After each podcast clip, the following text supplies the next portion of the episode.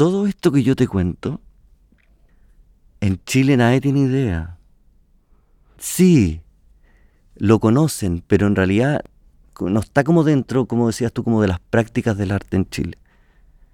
Sí dentro del escenario de la arquitectura, pero estas como prácticas poéticas, este modo de proceder como dentro de, las artes, no está muy, muy, muy socializado porque al concebir estas como visiones muy particulares en unos escenarios como de artistas ellos, podríamos decir, y habiéndose venido de, Santiago a comienzos de los 50, rompen un poco con la tradición capitalina. Y en Chile si tú rompes con algo, la gente te, te separa, inicialmente. Entonces, entre los 50 que se fueron de la Católica de Santiago a la Católica del Paraíso y los 60, 70, esa escuela y esos mundos de la arquitectura no se vieron, no se hablaron. Claudio Girola, que era un escultor de todo el arte concreto argentino, Maldonado, Lito, se viene a Chile el mismo año, se viene a la escuela. Él hizo su obra escultórica en diálogo muy fuerte con, con los arquitectos y los poetas, pero nunca estuvo dentro del escenario como de las artes plásticas en Chile. Era como marginal.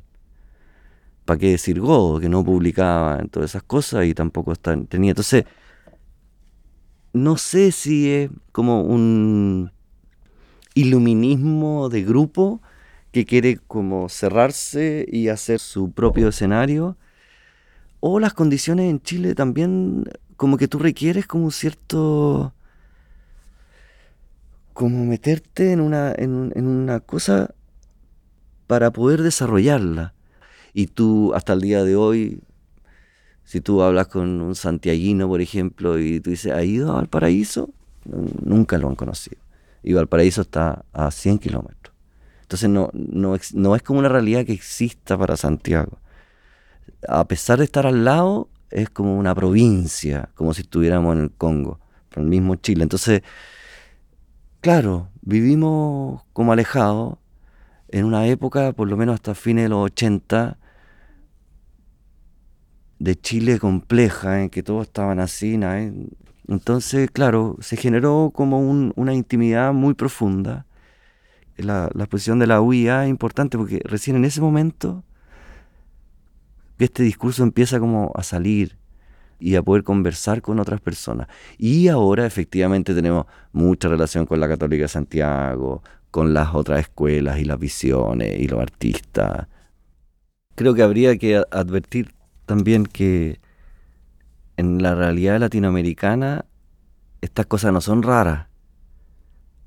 Todo se puede dar. Aunque viva en Santiago, eh, en ciudades muy constituidas, hasta el día de hoy todo es posible. Todo lo que tú quieras hacer de una cierta manera no está hecho. ¿Qué es la diferencia con Europa, yo creo? Bueno, no significa que no se puede hacer nada en Europa, pero, pero la realidad latinoamericana es muy abierta. Incluso institucionalmente es acotada, no es muy desarrollada.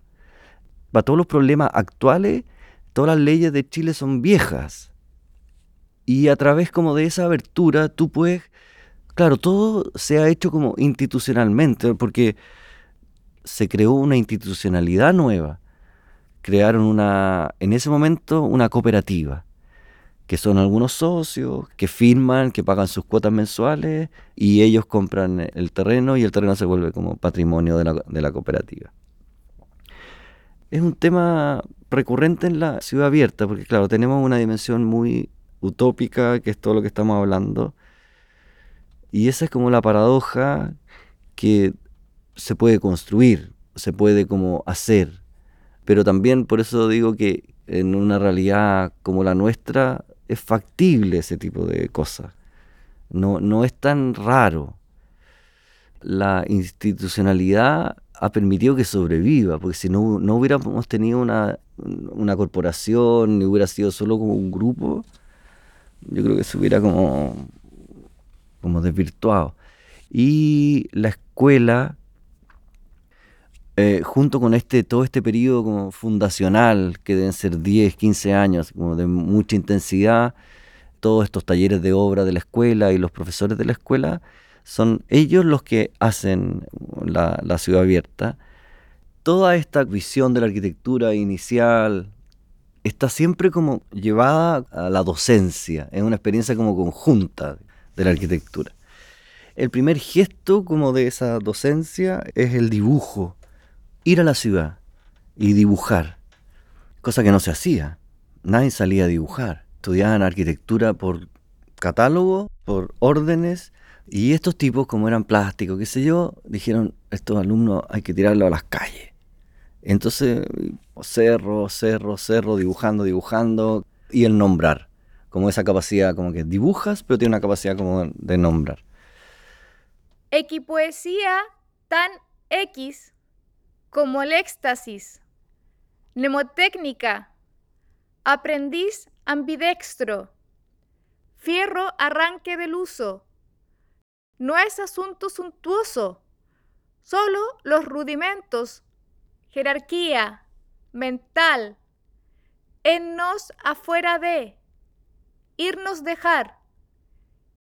Hay como todo un llamado, así como a partir, partir para ir, entonces, tú también como alumno participas de eso.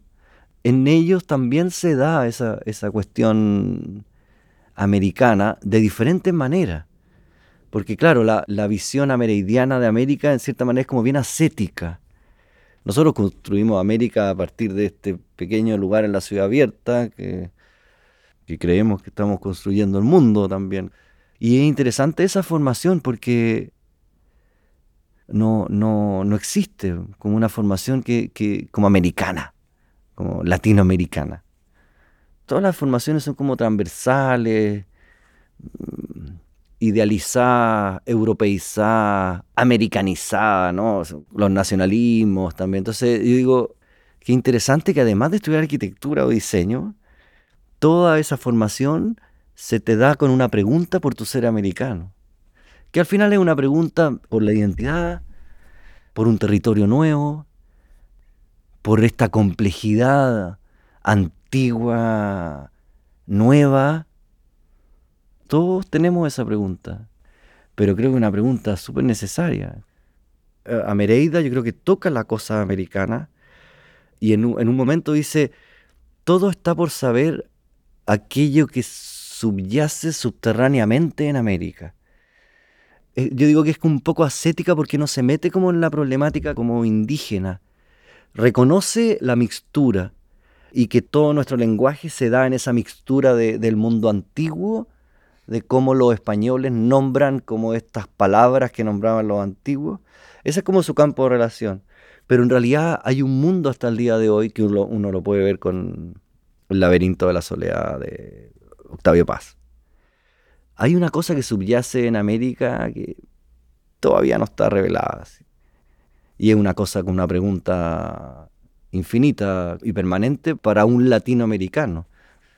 Y que en una formación tengas como esa pregunta, pucha, es importante.